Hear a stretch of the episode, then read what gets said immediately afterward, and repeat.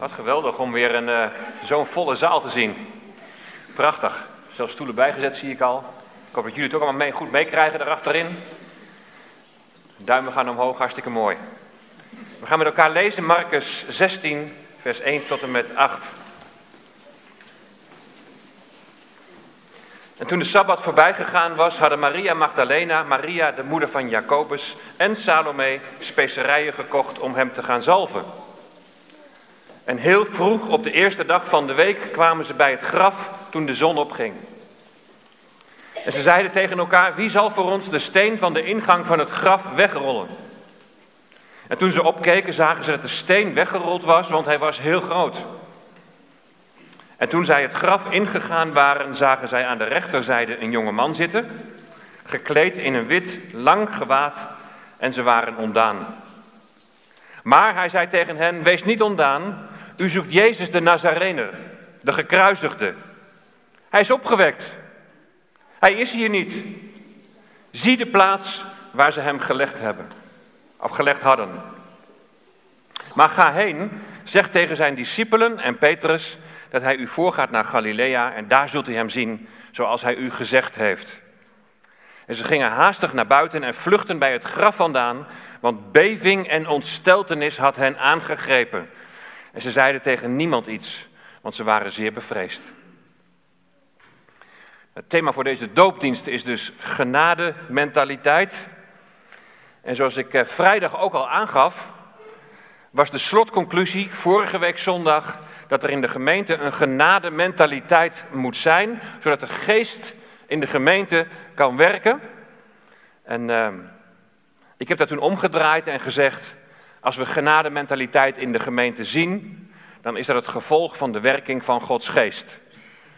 Nou, ik denk het een sluit het ander niet uit.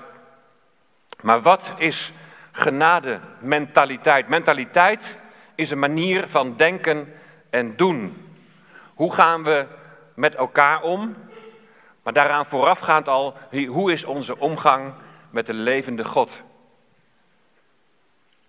Het onderwerp genade past natuurlijk prachtig bij Goede Vrijdag en Pasen, dus ook vanmorgen gaan we juist daar ook weer bij stilstaan. En de tweede schriftlezing is Romeinen 6, Romeinen 6 vers 1 tot en met 4. Wat zullen wij dan zeggen? Zullen wij in de zonde blijven, opdat de genade toeneemt? Volstrekt niet. Hoe zullen wij, die met betrekking tot de zonde gestorven zijn, daarin nog leven? Of weet u niet dat wij allen die in Christus Jezus gedoopt zijn, in zijn dood gedoopt zijn? Wij zijn dan met hem begraven, door de doop in de dood, opdat evenals Christus uit de doden is opgewekt tot de heerlijkheid van de Vader, zo ook wij in een nieuw leven zouden wandelen. Tot zover. In de buurt van Deventer, waar wij oorspronkelijk vandaan komen, daar is een recreatieplas Buslo. Een soort van Wellerwaard, maar dan, dan iets groter. Een aantal jaren kwamen we daar op paasmorgen als gezamenlijke kerken kwamen we daar bij elkaar rond een uur of zes. Toen de zon opkwam. En er stond een grote trailer met, met muziek en zang. En in alle vroegte, toen de zon opkwam, gingen we samen de Heer loven en prijzen.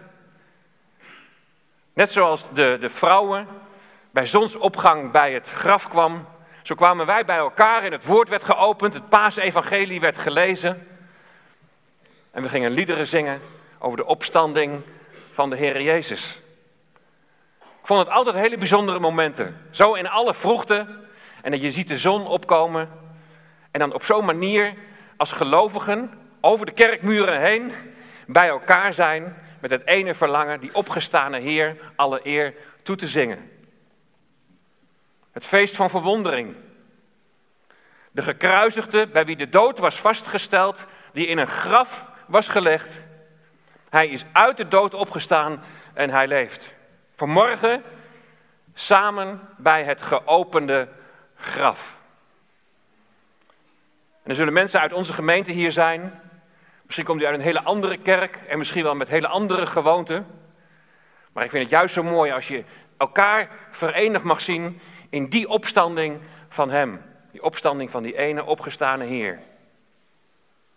Wat betekent Jezus' opstanding voor jou? Hoeveel mensen in Nederland zouden nog weten dat dit de boodschap van Pasen is? Ik vond een onderzoek van NAW Plus en dat stamt al uit 2009, dat is al een tijdje geleden. En toen bleek al dat ruim 45% van de bevolking niet weet dat Pasen een christelijke feestdag is. Dat de Heer Jezus is opgestaan uit de dood, is bij twee derde van de bevolking onbekend. Schokkend. In een artikel van de NOS, en daar staat boven, Nederland geen gelovig land meer. En wat betekent dat voor ons wederzijds begrip of wederzijds onbegrip? Wat ze hiermee aangeven is dat er blijkbaar een spanningsveld is tussen gelovigen en ongelovigen. Wat zijn de gevolgen voor de omgang tussen gelovigen en ongelovigen als die gelovigen steeds meer in de minderheid komen? Daar ging het eigenlijk ook over in dat artikel. Volgens het, volgens het Sociaal Cultureel Planbureau, die dat onderzoek heeft gedaan, is een meerderheid van de Nederlandse bevolking atheïst of agnost. Atheïst, dan, dan ontken je het bestaan van een God. En agnost, dat is iemand die denkt dat de mens niet kan weten of er een God is. En volgens het planbureau is het voor het eerst dat ons land meer niet-gelovigen dan gelovigen telt. Dan lijkt het alsof die grens van 50-50 dat die net is overschreden. Maar ik ben benieuwd wat ze dan onder gelovig verstaan. Het is nogal een verschil of je alleen gelooft dat er een God is, want dat gelooft de duivel ook. Of dat je gelooft dat Jezus de Zoon van God is en dat Hij is opgestaan uit de dood. Wie gelooft nog dat Jezus Christus, de opgestane Heer, die door zijn kruisdood en opstanding ons met God heeft verzoend? Dat Hij de enige weg tot redding is. In een ander artikel las ik dat 60% van de Amerikaanse christenen, jonger dan 40 jaar, niet gelooft dat Jezus de enige weg tot redding is. Boeddha en Mohammed zouden ook alternatieve wegen naar redding kunnen zijn volgens deze groep. Maar ik weet zeker dat die grens van 50-50 al lang, lang geleden al is overschreden. Het planbureau spreekt van secularisering. En dat woord betekent ontkerkelijking. En betekent ook steeds minder invloed van de kerk, van gelovigen op het maatschappelijke leven. In onze Noordoostpolder zijn de christelijke politieke partijen nog niet in de minderheid. Ze staan zelfs op de tweede plaats, heel dicht bij de eerste plaats, met 300 zetels verschil, heb ik begrepen. En toch worden ze uitgesloten. Koopzondagen en een koffieshop die zouden het hete hangijzer worden. Maar ik begrijp uit de krant dat er niet eens over is gesproken. De wereld die lijkt wel klaar met die lastige christenen die zo bekrompen leven. Het past ook helemaal bij het artikel van het planbureau.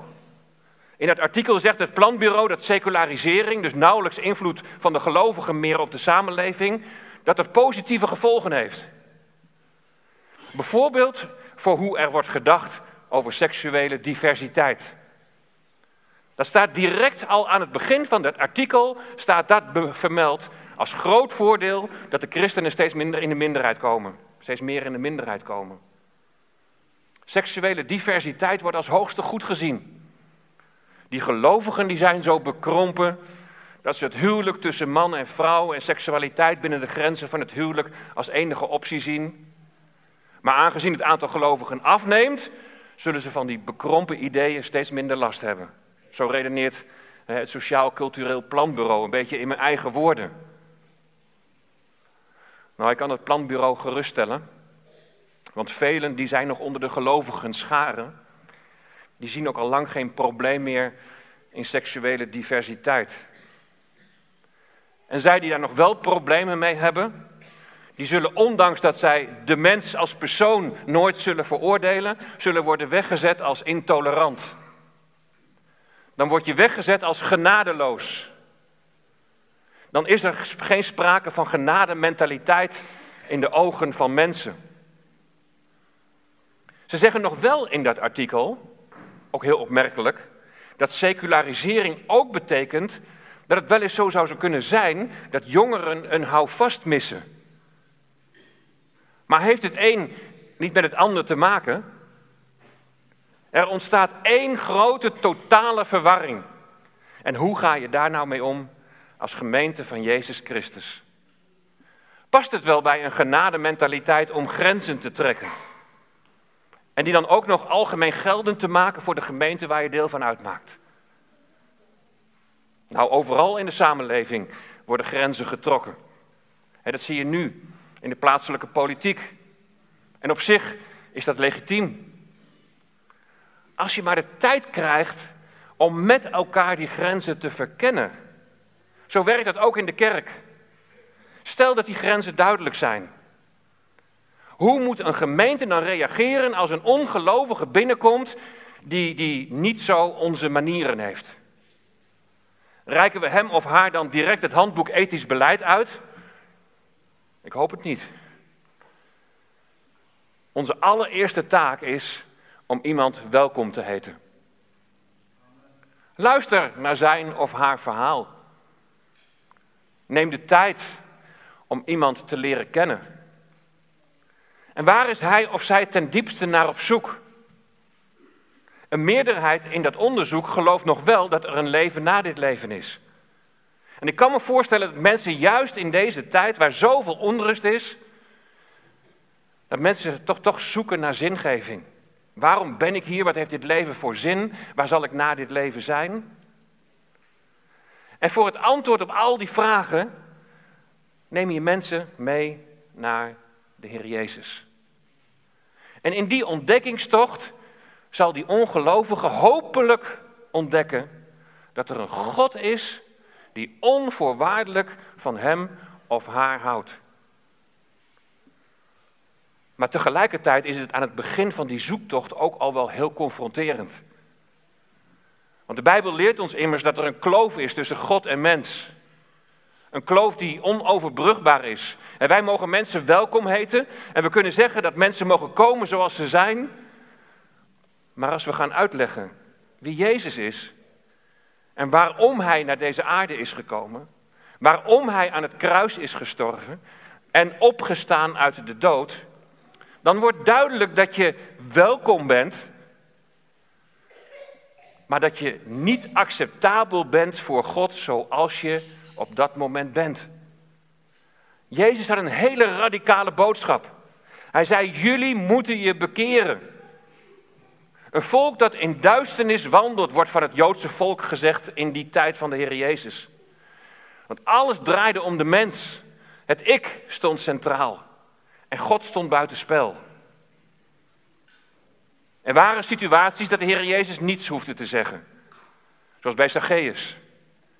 Zijn aanwezigheid liet mensen al inzien hoe ver ze van God vandaan leefden.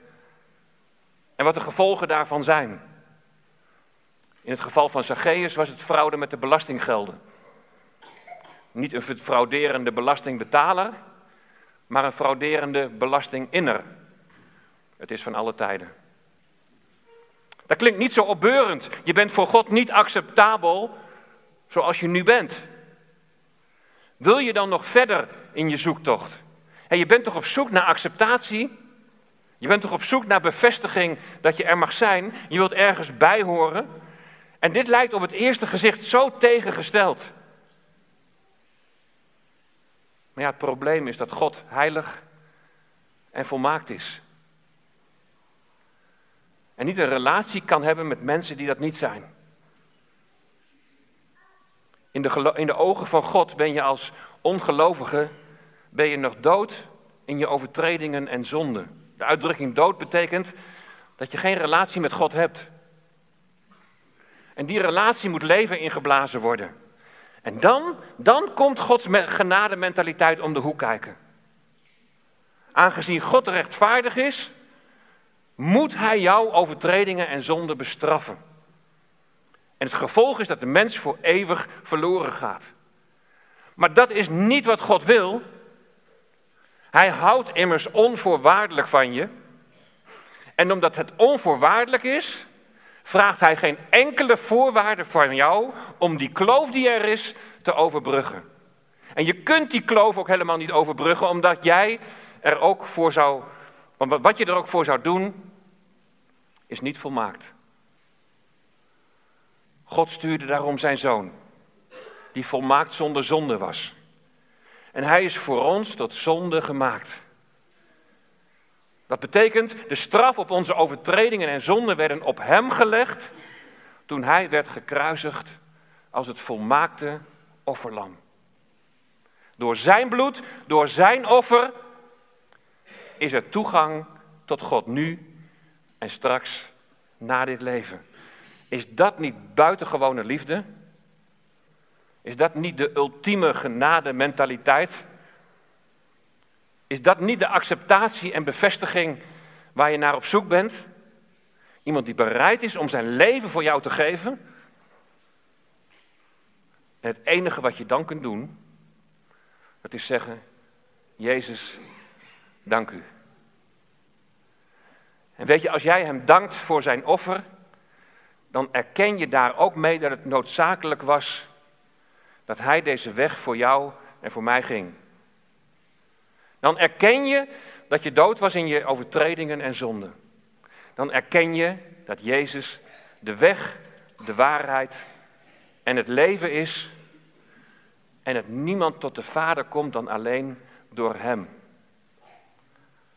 Dat je alleen tot de Vader kunt komen door geloof in de Heer Jezus. Door in Hem te geloven, door op Hem te vertrouwen.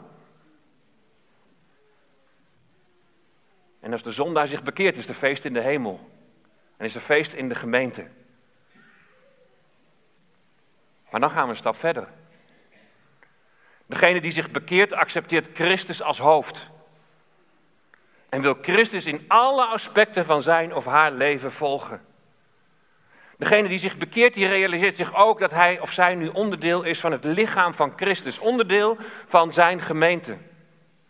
En daar onderdeel van zijn betekent dat je met gelovigen onderling met elkaar verbonden bent.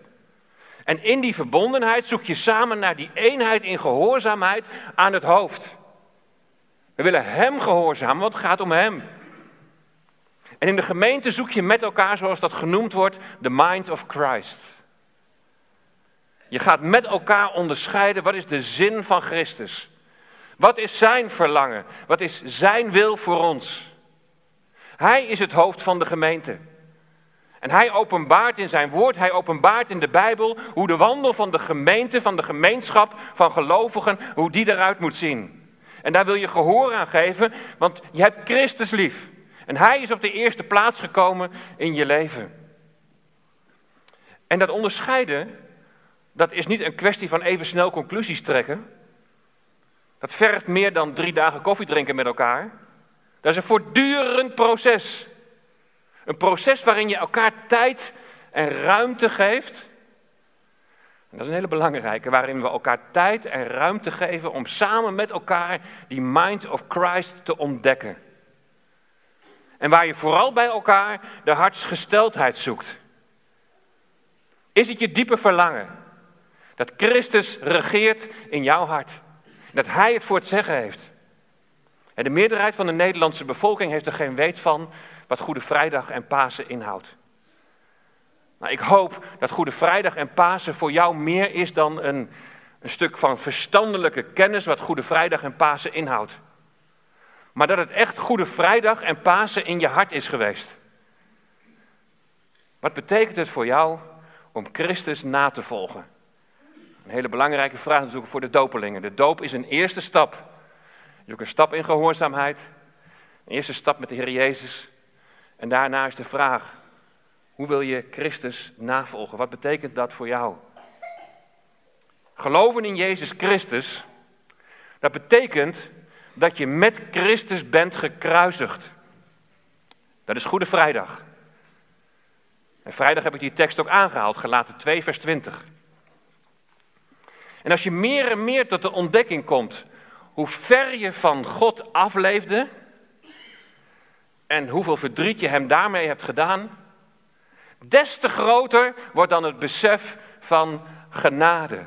Dat ondanks hoe wij hebben geleefd, hij zich toch naar ons heeft uitgestrekt en zijn leven voor ons heeft gegeven.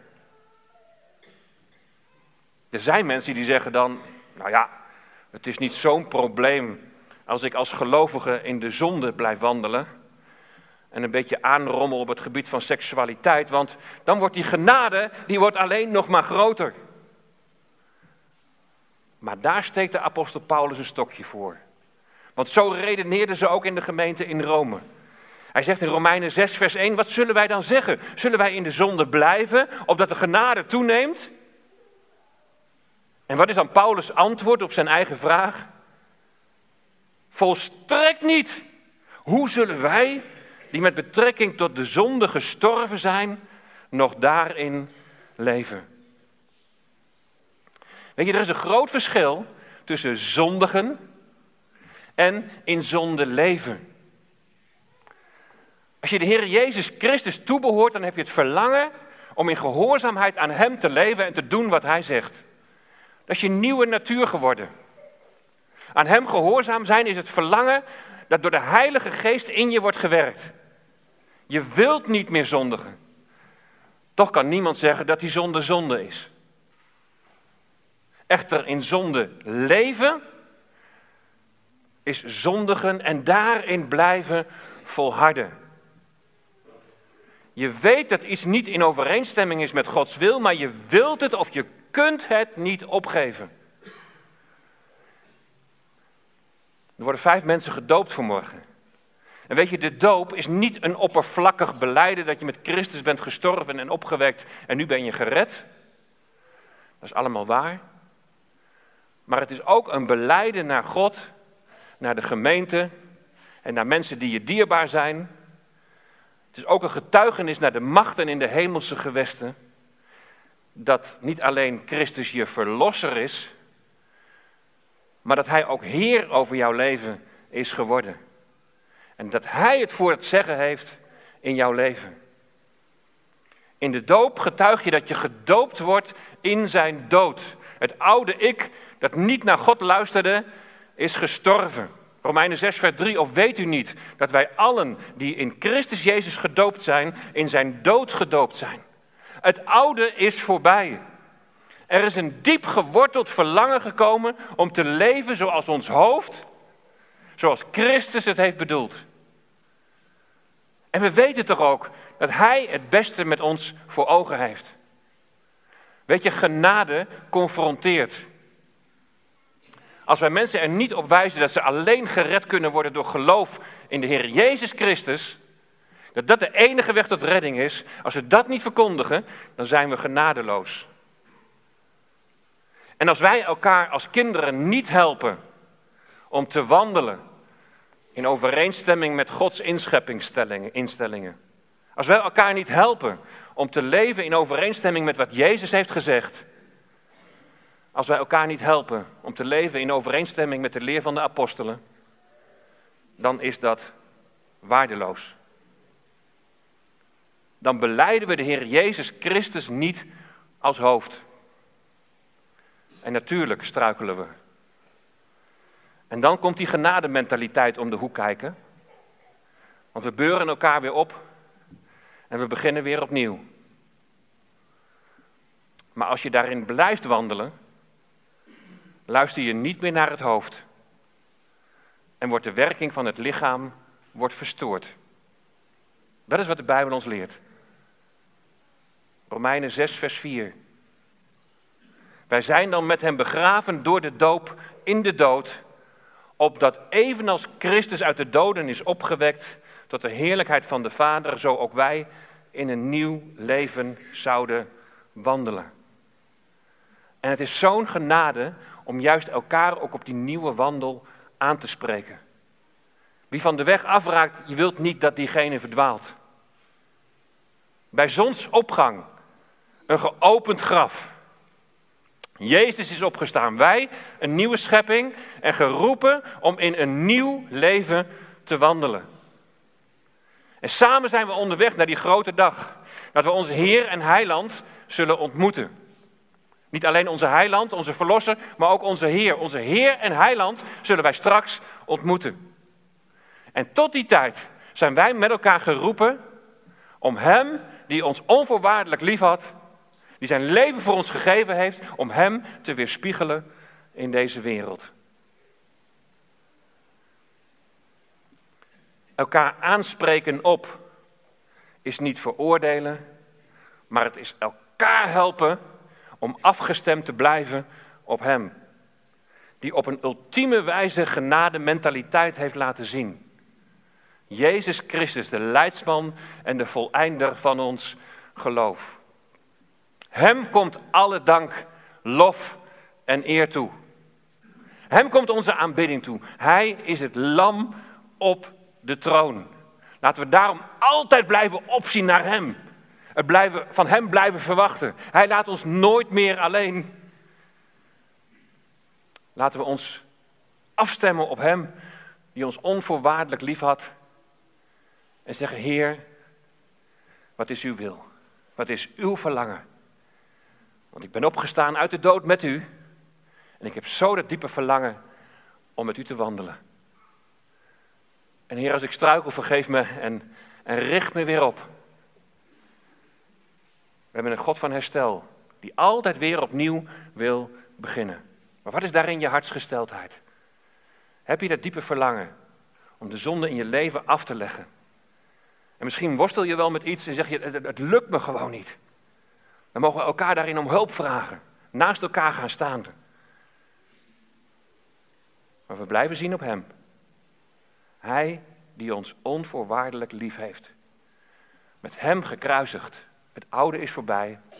En met Hem opgestaan in nieuw leven. In nieuw leven wandelen. Tot die dag dat Hij zal komen.